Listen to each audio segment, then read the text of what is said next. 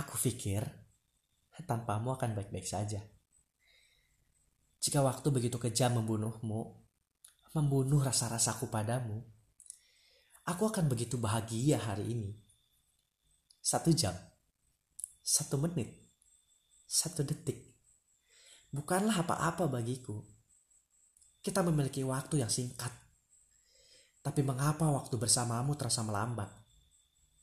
Mempermainkan hati yang tak kunjung meredakan gelombang luka. Dan terus saja bayanganmu menghampiriku. Bisakah aku pergi tanpa tahu kabarmu? Dan bisakah aku menjauh tanpa mendengar nama dan sesuatu tentangmu dari orang lain?